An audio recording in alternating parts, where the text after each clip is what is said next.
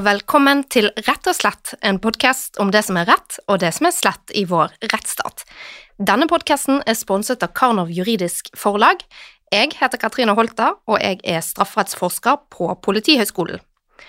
I dag skal vi snakke mer om fetteren til Birgitte Tengs. Forfatteren var tema i den aller første episoden av Rett og slett, og da snakket jeg med forfatter Bjørn Olav Jahr og lagdommer Frode Elgesem om denne saken, og om eh, ordningen med å idømme erstatning etter en frifinnelse i en straffesak. Teng-saken fortjener mer oppmerksomhet fra en podkast som handler om rettsstaten, og en grunn til det er at eh, Tenk-saken har vært en skjellsettende læringssak for politiet. Men det er også fordi saken illustrerer hvor galt det kan gå når rettsstaten skal løse en av sine vanskeligste oppgaver, å ta stilling til hva som er sannhet. For hvordan kan vi egentlig vite om noen snakker sant eller ei? Fetteren ble blant annet mistenkeliggjort fordi han sleit med nervøse skjelvninger i begravelsen til sin kusine. Men kan man egentlig trekke konklusjoner om løgn og sannhet og skyld fra et sånt reaksjonsmønster? Og har vi for stor tro på våre egne evner til å bedømme sannhet basert på andres observerbare atferd? Og for en forsvarer så kan det nok være vanskelig å vite om en klient som tilstår en forbrytelse, snakker sant eller ikke. Og nettopp det å motvirke falske tilståelser er en av de viktigste oppgavene for en forsvarer. I dag har jeg eh, fått med meg to gjester. Jeg har fått med meg eh, fetterens forsvarer, og jeg har fått med meg eh, politiets fremste avhørsekspert, som tidligere også har gjestet denne podden. Jeg skal snart introdusere gjestene nærmere, men først så vil jeg oppsummere hovedtrekkene i Birgitte-saken i korte trekk. Birgitte Tengs var en 17 år gammel jente fra Karmøy som ble brutalt voldtatt og drept natt til 6. mai i 1995.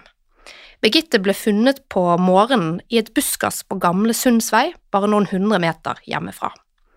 Lokalbefolkningen var i sjokk og i dyp sorg, og politiet satte i gang en stor og omfattende etterforskning. Politiet fattet eh, tidlig interesse for fetteren til Birgitte, men etter hvert så, så politiet bort ifra fetteren, og det var på grunn av en håranalyse som de mente at utelukket han, og egentlig veldig mange andre som de også hadde som aktuelle mistenkte i denne saken. Det viste seg senere at denne håranalysen som var blitt gjort, hadde alvorlige mangler, og at dette hadde ført etterforskningen inn på et ulykksalig blindspor. Når feiltolkningen av denne håranalysen ble et faktum, så gikk politiet tilbake til tegnebordet og hentet frem igjen sine tidligere mistenkte i saken. Og i 1997, vel to år etter drapet, så ble fetteren, som da var bare 19 år gammel, uventet pågrepet og siktet.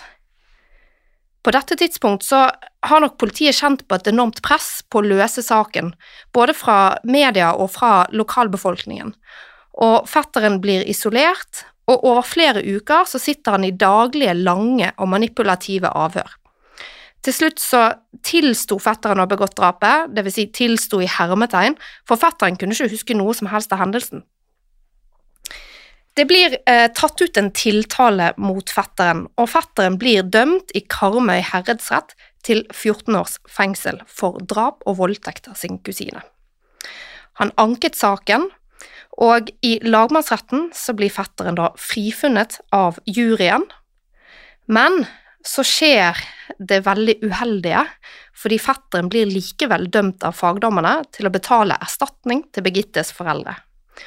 Og med dette så blir jo fetteren da stemplet til en annen persons ugjerning, men på et lavere beviskrav enn det som gjelder i strafferetten, som altså utover enhver rimelig tvil. For å måtte betale erstatning, så er det nok at eh, beviskravet ligger på rundt 70-80% og det mente fagdommerne at eh, var tilfellet at det var 70-80% sannsynlig at fetteren var skyldig i drapet. Fetteren anka erstatningskravet først til Høyesterett, og deretter til Menneskerettsdomstolen. Og i Menneskerettsdomstolen så blir han hørt med at erstatningsdommen er begrunnet på en måte som går for langt i å undergrave den strafferettslige frifinnelsen. Men erstatningskravet blir likevel stående, og fetteren har i flere runder senere forsøkt å få gjenopptatt denne dommen, altså erstatningsdommen, uten hell. Birgitte-saken har fått mye medieoppmerksomhet, òg i seinere tid. I 2018 så sender TV 2 en true crime-dokumentar som er laget av Bjørn Eivind Årskog og av forfatter Bjørn Olav Jahr, som da er basert på boken til Jahr som heter Hvem drepte Birgitte Tengs? Denne dokumentaren er fortsatt tilgjengelig på TV2 Sumo og kan anbefales på det sterkeste, og den har også vært eh, viktig for forberedelsene mine til dagens episode.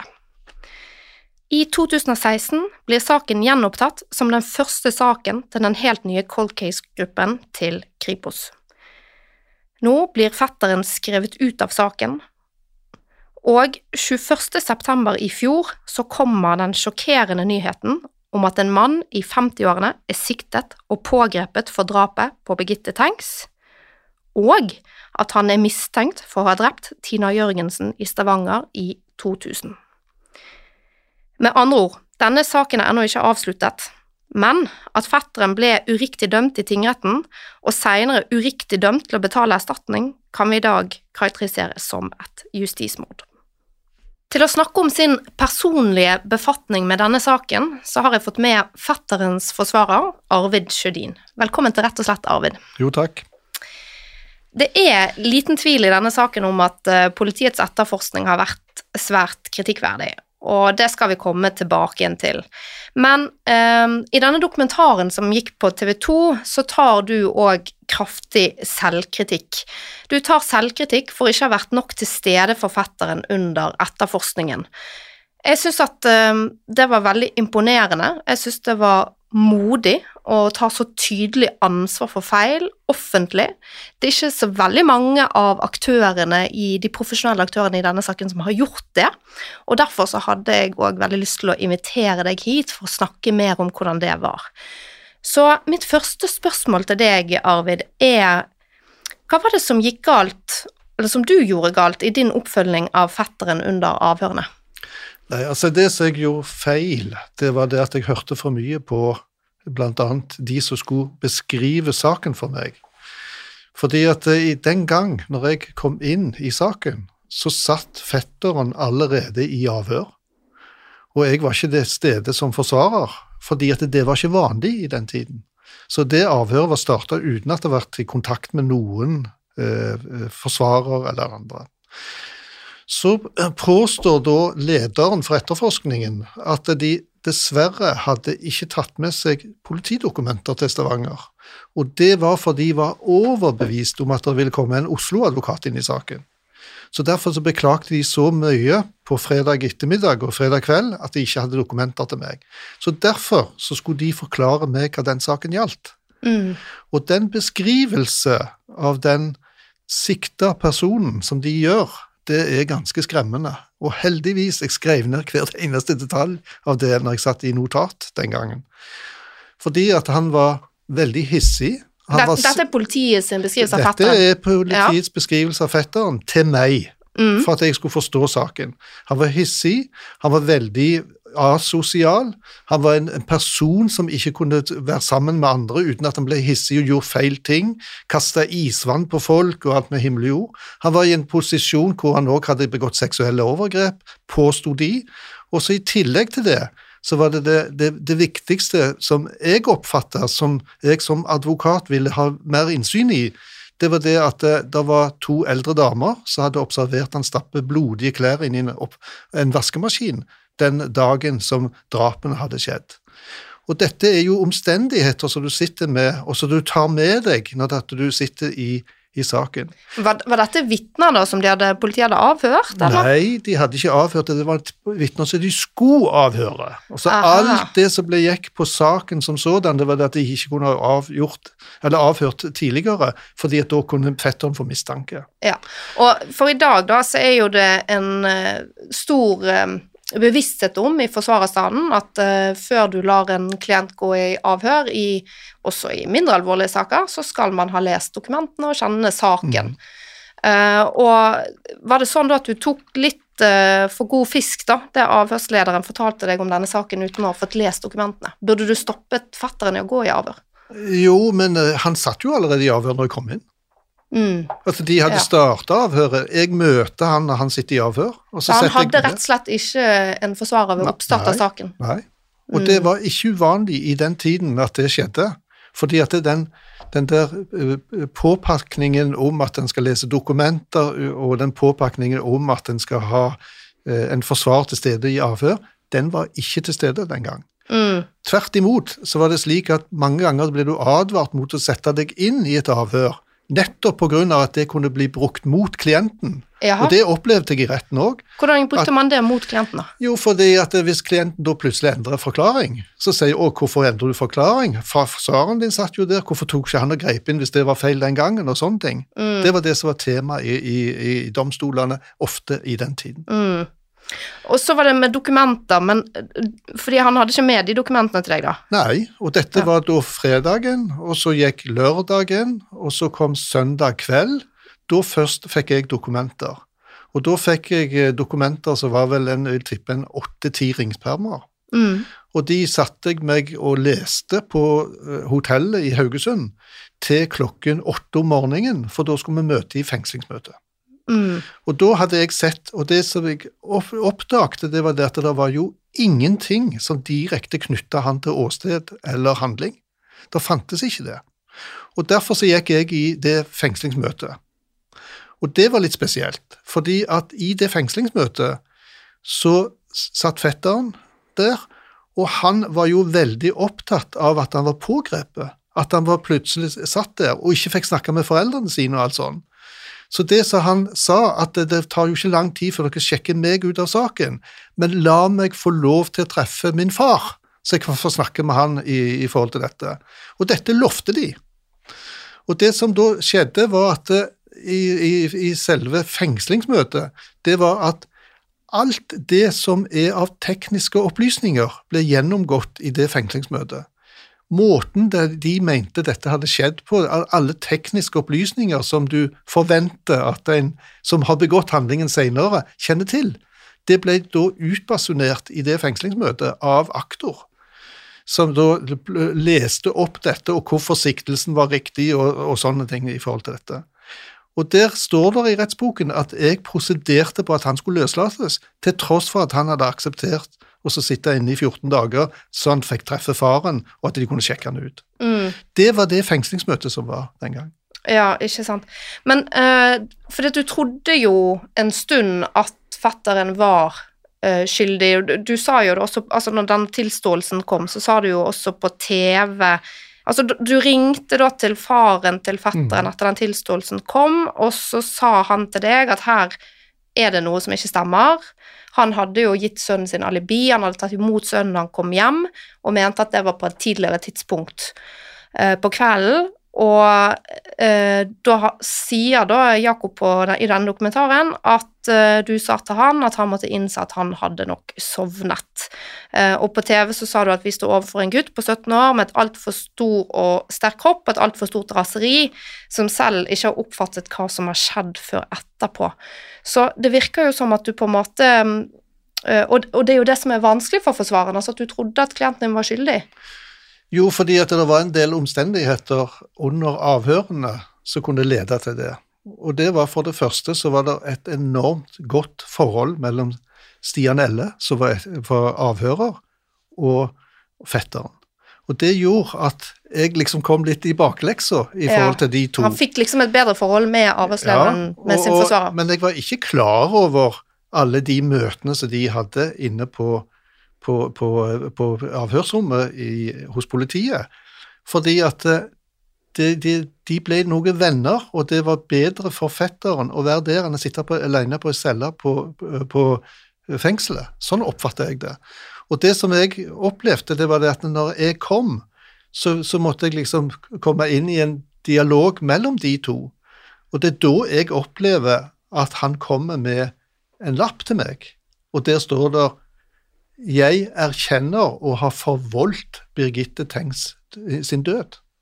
Ja, og på denne lappen ehm, Er det da et forbehold på lappen òg om at han ikke husker det? Nei, det står det ikke på lappen. Men, står, men du spurte han da, mente du dette Ja. her? Jeg spurte han om han husker dette, og da sa han nei. Ja.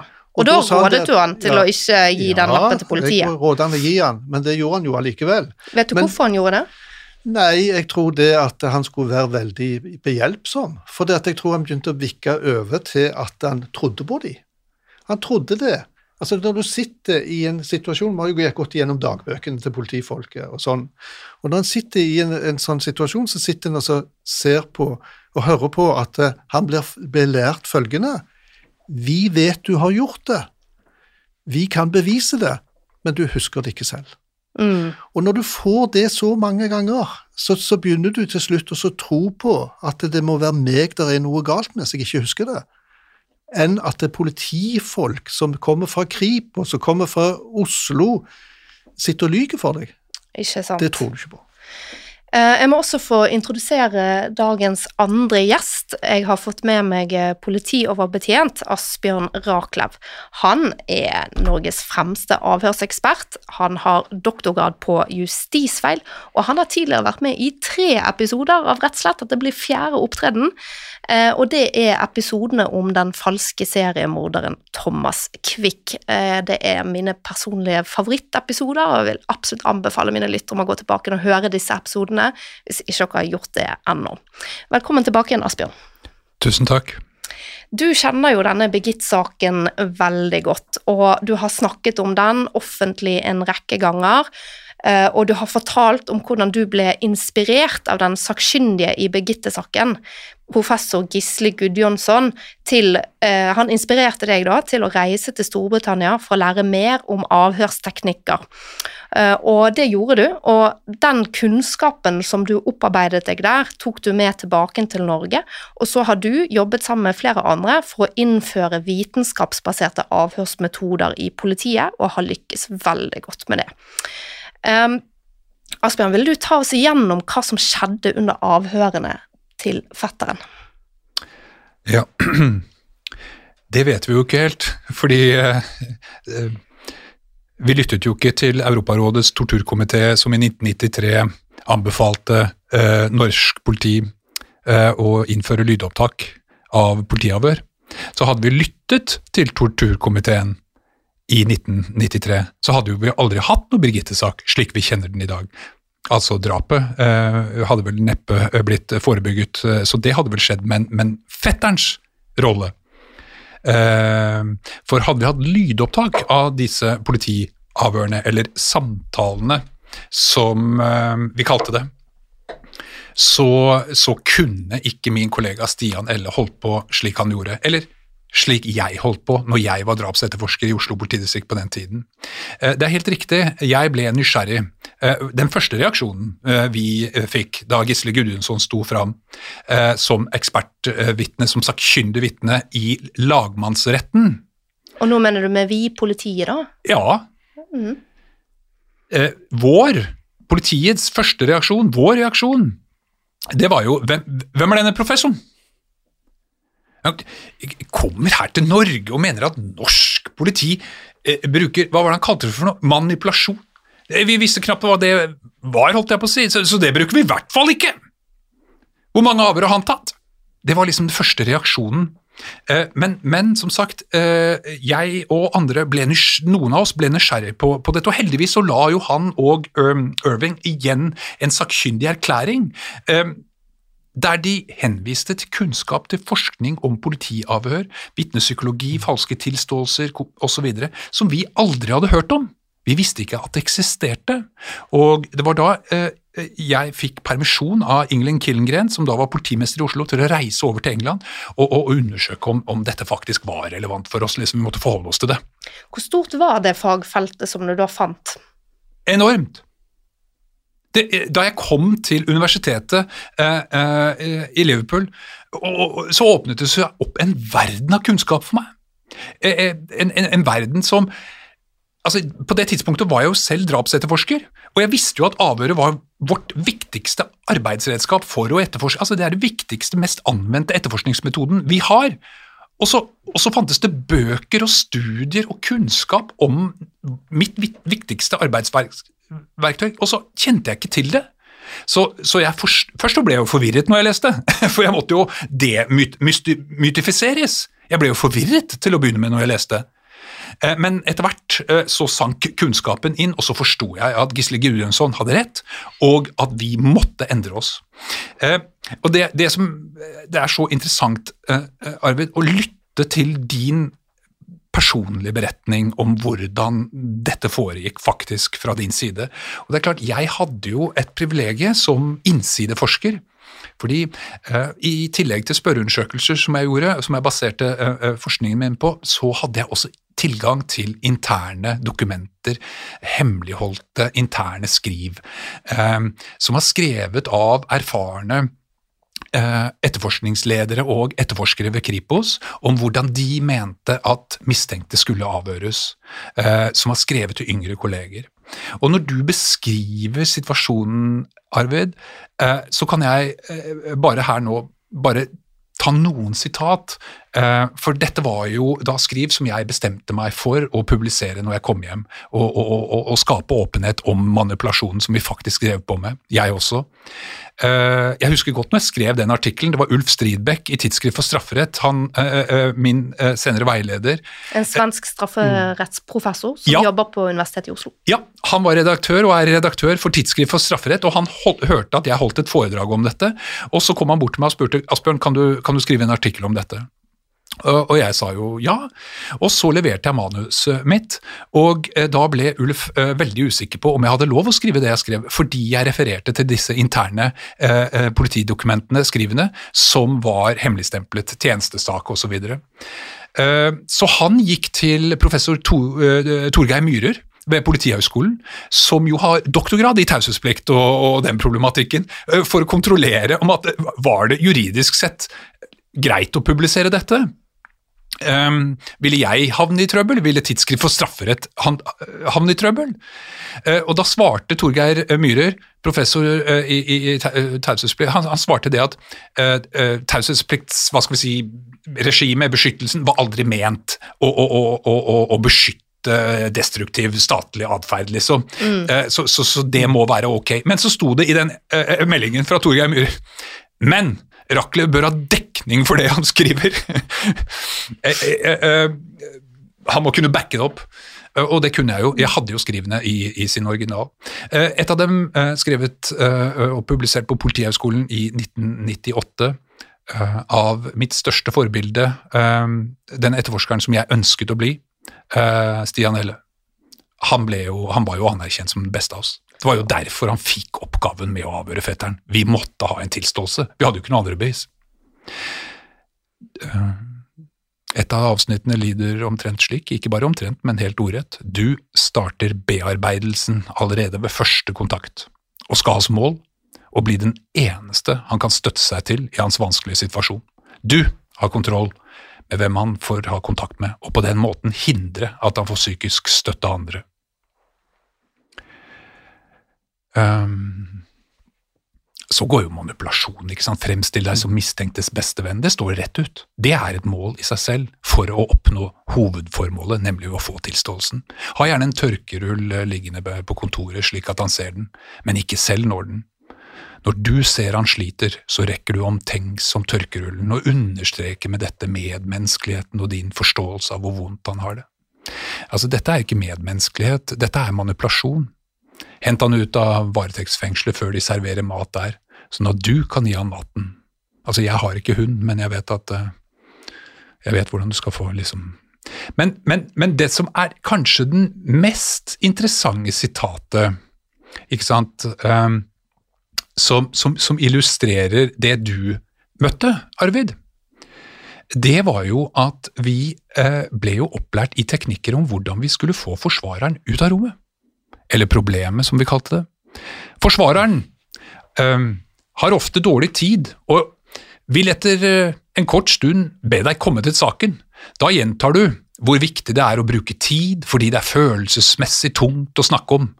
Siktede vil øh, som oftest da ta parti for deg, og problemet løser seg som oftest ved at forsvarer sier vi snakkes senere.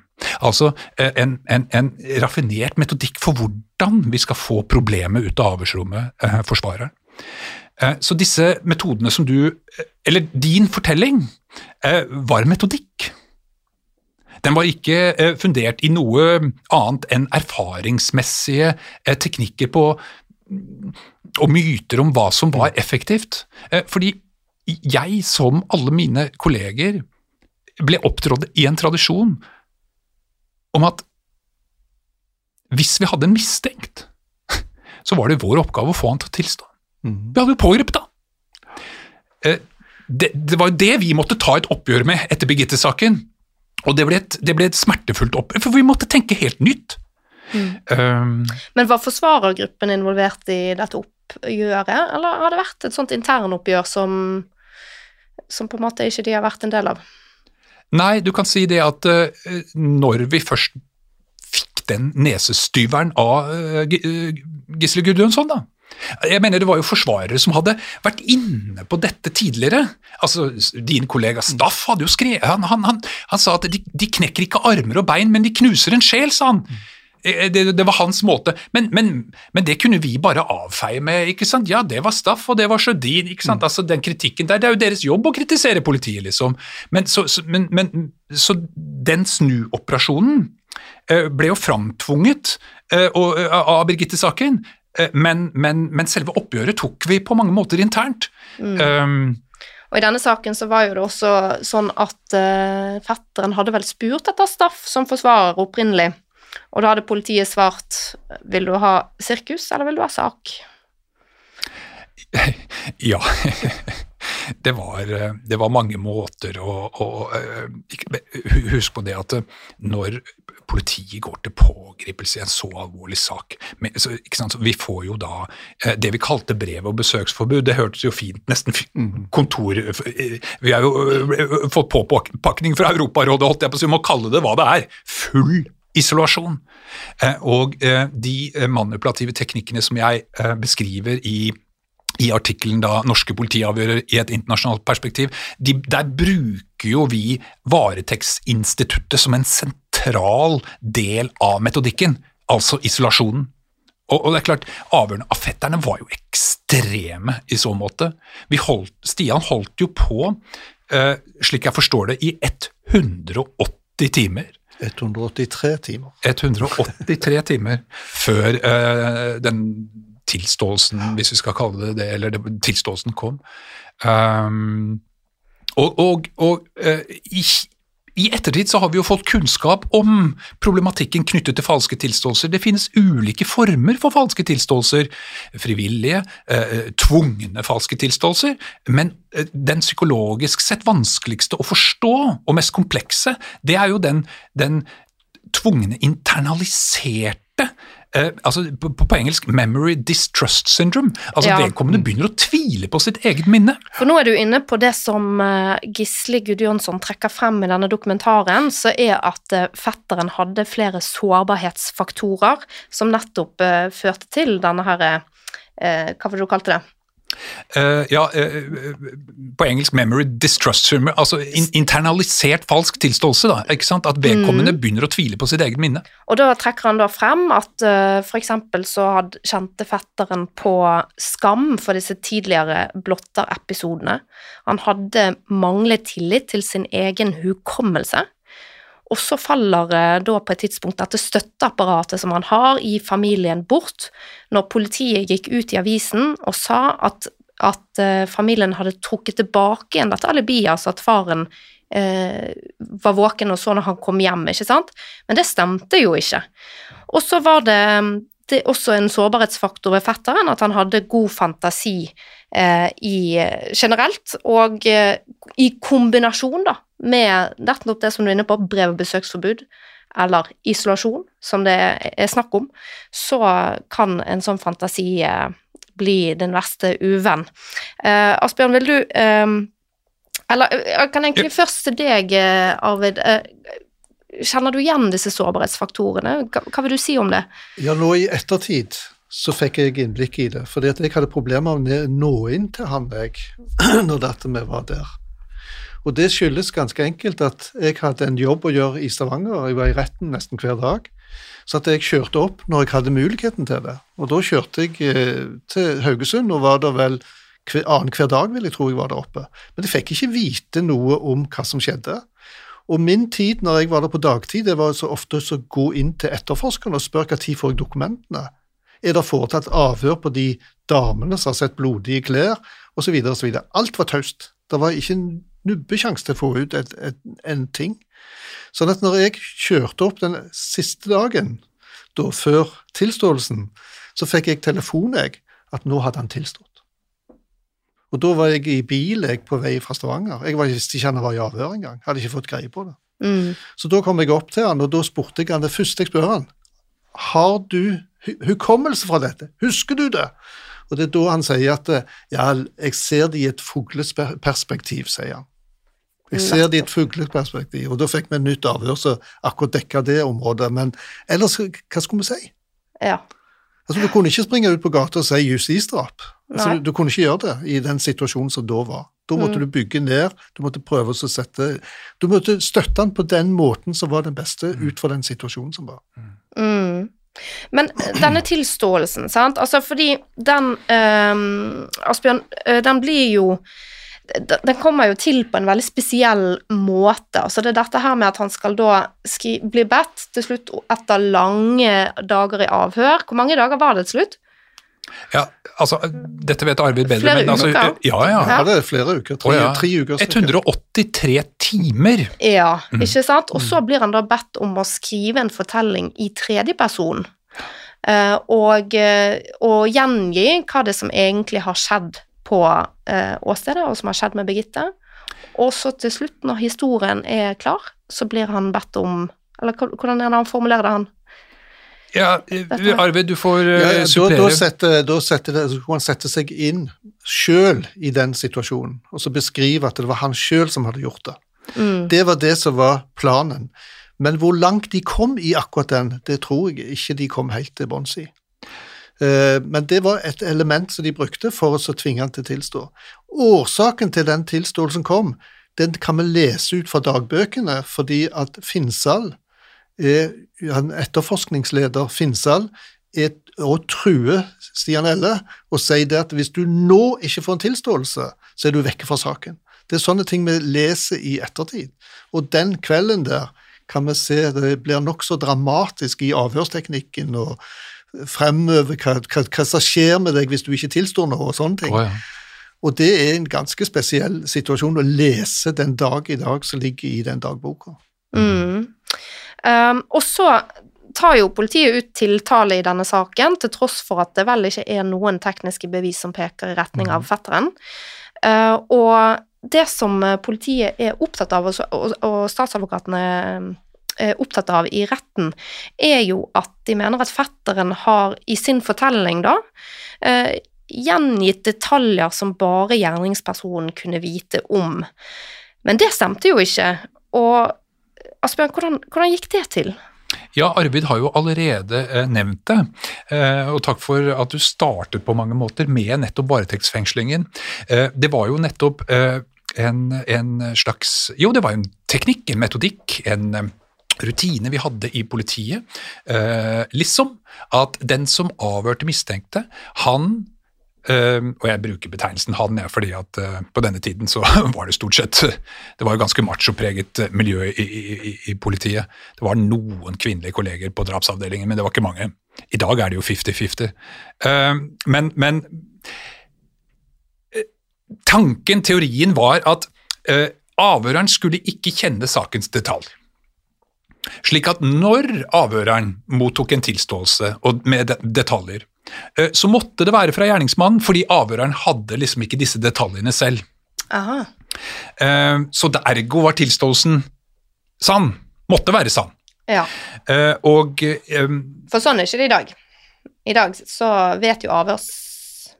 ja, ja eh, Den som avhører, kjenner jo saken. Absolutt. eh, eh, Vi forbereder oss til avhør. Men det er en annen verden i dag, fordi nå har vi videoopptak. Så hvis det er slik at vi stiller ledende spørsmål, eh, eh, så, så, så er det på tape. Eh, Så vi kan med en langt, hva skal vi si, på en helt annen måte dokumentere overfor domstolene at vi har ikke stilt ledende spørsmål. Det er bare hvis, hvis, hvis det blir tema, da.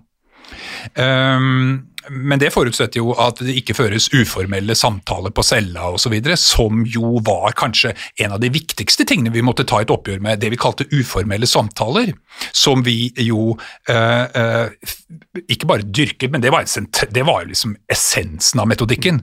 Å komme under huden på den mistenkte før det egentlige avhøret startet. altså før egentlig rettighetene blir lest opp, skal bare prate litt, du og jeg, og finne en fellesnevner og eh, finne de knappene. Og jeg syns det var interessant å høre dette med, med, med å, å, finne de, de områdene som fetteren følte skam over, og de, de tingene han hadde gjort som man kanskje ikke skulle gjort som ungdom osv.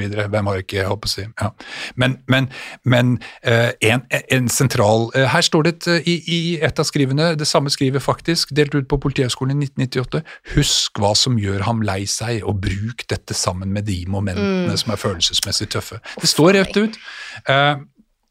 Så det gjaldt å identifisere de sårbare faktorene i den du snakket med. Jeg har en god kollega uh, i Oslo politidistrikt, uh, som senere ble kreativ instruktør. og han, han, forteller meg... Hva er kreativ? Ja, det er jo uh, sorry, det er altså de forskningsfunderte avhørsmetodene som, som vi jo da lagde to, altså basert på den kunnskapen som vi hentet i England, da, basert på britenes snuoperasjon. Um, så, som, som, jo ble obligatorisk for alle etterforskere i Norge i 2003. Mm. Før de skulle ta videreutdanning.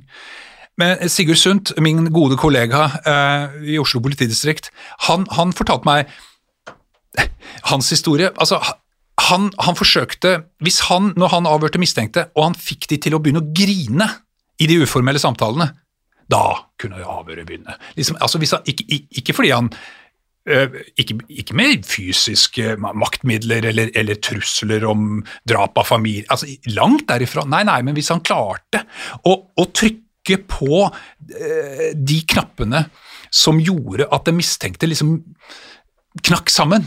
Ja, da kunne avhøret starte. For meg, Det er grusomt å høre på. Men Arvid, altså, du var jo inne på det innledningsvis, disse eh, fra dette fengslingsmøtet, for det er jo der det skjer, er det ikke det? Det er der opplysningene kommer frem. Hva var det som skjedde i dette fengslingsmøtet? Bare litt mer eh, I hvilken detalj gikk man inn på ting? Nei, det, Da gikk man inn på detaljene. Alle detaljer kom frem og absolutt alt som hadde skjedd i, i, forhold til det. Og det kan man se fra dagboken til Stian Elle, for han skriver ned alt det som Rossehaug, som var politiinspektør i den tiden, og som var den som var juristen, alt det hun sa. For der var det ingen begrensninger i det, steinen som er brukt, og hvor det skjer henne, hvordan man kommer opp til det stedet, og, og hvilke skader det var på, på, på henne, og alt dette her. Alt ble utbasunert i, mm. i det rettsmøtet. Så det var nesten ingenting igjen som, som, som, han ikke visste når han gikk ut derifra. Og Det som òg er et poeng, det er jo det at han bodde jo rett i nærheten av det drapsåstedet. Mm. Så han og kompisene de var jo borte og så akkurat sånn som alle andre òg gjorde. Så de visste jo alt det som var der. Men dette ble da brukt mot han i, mm. i retten òg, faktisk. Og sånn får han da den informasjonen som han trenger for ja. å gi ja. den uh, forklaringen. Ja, og dette, altså, Rent faglig sett så er dette uhyre interessant. Mm. Uh, uh, Braden Garrett har jo, med bakgrunn i tilsvarende straffesaker i USA, altså der uskyldige mennesker dømmes med bakgrunn i sin egen falske tilståelse Han har jo studert 40-50 av de sakene. Hva er det som egentlig skjer? Og det han, det han dokumenterer i sine analyser, Brandon Garrett, det er jo at i uh, 41 Altså I 90% av sakene eh, så har enten politiet eller påtalemyndigheten stått i domstolene eller skrevet en eh, rapport om at de opplysningene som kom fra eh, mistenkt, den mistenkte, da, tilståelsen, det må være fra gjerningsmannen fordi det kom han fikk det ikke av oss. Det har de stått og vitnet eh, under ed i domstolene. Og så viser Brandon Garrett gjennom sin forskning eh, at det stemmer ikke. Eh, opplysningene er kommet eh, eh, via rettssystemet eller media eller på andre måter. Så, så Sånn sett så føyer bare Birgitte-saken seg inn i, i, i, forskningen. Men dette vet vi i dag. Ja. Og, og, og, og, jeg har snakket med jeg husker jeg snakket med eh, riksadvokat Tor Aksel Busch om akkurat den stenen. For det er klart, jeg håper vi kommer inn på det også. Hvilken stein? Nå snakker vi om drapsvåpenet. Ja. Mm. Um, som Arvid nevnte i sted, som Birgitte ble drept med. Og uh, det, det, Tor Aksel Busch sa til meg, for, for, for, jeg håper vi kommer inn på eh, påtalemyndighetens bevisvurdering etterpå, for det er jo et veldig interessant tema. Like interessant som politiets avhørsmetode, faktisk. Eh, bortsett fra vi har ikke snakket så mye om det. Men eh, jeg husker jeg snakket med, med Riksadvokaten om om eh, Birgitte-saken, og, og, da var han jo frifunnet, og vi, vi, vi, hadde måttet erkjenne at vi måtte legge om avhørsmetodene. Og, og, og, Bush støttet oss i det. Han støttet oss i den prosessen da han fikk innsikt i, i rapportene eller uh, artiklene også. Men det jeg husker uh, Bush fortalte meg, det var hvor overbevist han ble uh, av tilståelsens hva skal vi si, bevisverdi da, da han leste hvordan fetteren beskrev hvordan han håndterte denne steinen liksom, og holdt den i hånden og, og, Ikke sant? Det var så overbevisende. Men så viste det seg jo da at dette var jo informasjon som, som ikke kom fra hans hukommelse. Den kom altså, som du beskriver, Arvid, den kom fra, I fengslingsmøtet. I fengslingsmøtet. Mm. Men det går enda lenger, fordi mm. at uh, her snakker vi òg om et seksuelt overgrep. Og bakgrunnen for, hvis en leser den herredsrettsdommen, så er det jo nettopp det at det blir brukt en fing, er den eneste tingen som da den siktede eller domfelte visste om. Det er det som er konklusjonen når de dømmer. Mm. Men hvis en leser siktelsen, så står det jo i til fengslingsmøtet så står det 'ved at det ble, ble brukt en fing'. står det. Så, men det var jo aldri tema under rettssaken heller. Men det var det som var avgjørende i herredsretten for en dom. Men hvordan var stemningen i herredsretten, da? Stemningen var veldig spesiell. og Det var at det, var meg, og så var det Gunnar Øystein Helgevold, advokat fra Stavanger. Det var meg som danna Forsvaret. Og Så var det et rom inn forbi der det var sikkert 100 journalister. Og de tok opp, og de sto på alt i, i forhold til det. Og jeg hadde en journalist som var der inne, som da hver gang det kom opp et juridisk spørsmål, så hadde han Johs Andenes på tråden og sprang ut inn til meg med mobiltelefonen sa nå kan du spørre han hvordan du skal gjøre dette. Og Johs Andenes er altså en strafferettsnestor. Ja, yeah. han var professor. Og han ble henta inn fra Hagen, og han ble henta inn overalt og skulle svare på spørsmål. Og det som jeg la merke til, det var det at han var veldig interessert i den saken, og hadde lest seg opp på det. Og var, den stemningen som var der, var veldig flott, altså. Og, og, jeg må si det at det gikk veldig bra. Og jeg tror ikke det var mange, når vi var ferdig med saken, som trodde det skulle bli domfellelse. Mm. Og, og, du det, sier jo på TV òg at du ble utrolig overrasket ja, når han ble dømt var, i første runde. Ja, alle ble utrolig dømt. Og jeg husker det at eh, når vi hadde fått lest opp dommen og sånne ting, så var det en psykolog til stede der som kom fra Bergen fengsel. Mm. Og han kom da med en gul lapp og på den gule lappen så sto det Gisli Gudjonsson London på. Og det ja. var første gang jeg hørte om han. Så det som vi gjorde rett etterpå, da, det var meg og så Harald Olsen. Vi stakk til London på første fly, mm. og så reiste vi ned, og det, vi spurte om å treffe Gisli Gudjonsson, og vi traff han. og vi gikk på pub sammen, og han fortalte sin historie og alt dette. Så det var en utrolig opplevelse, og så plutselig endelig få en som kunne fortelle hva som hadde skjedd. Mm og som var overbevist om det når han hørte historien som er fortalt. Da, kjære lytter, avbryter jeg samtalen for denne gang, men om en uke vil du få tilgang til resten av denne samtalen i en del to om fetteren til Birgitte Tengs. Takk for i dag.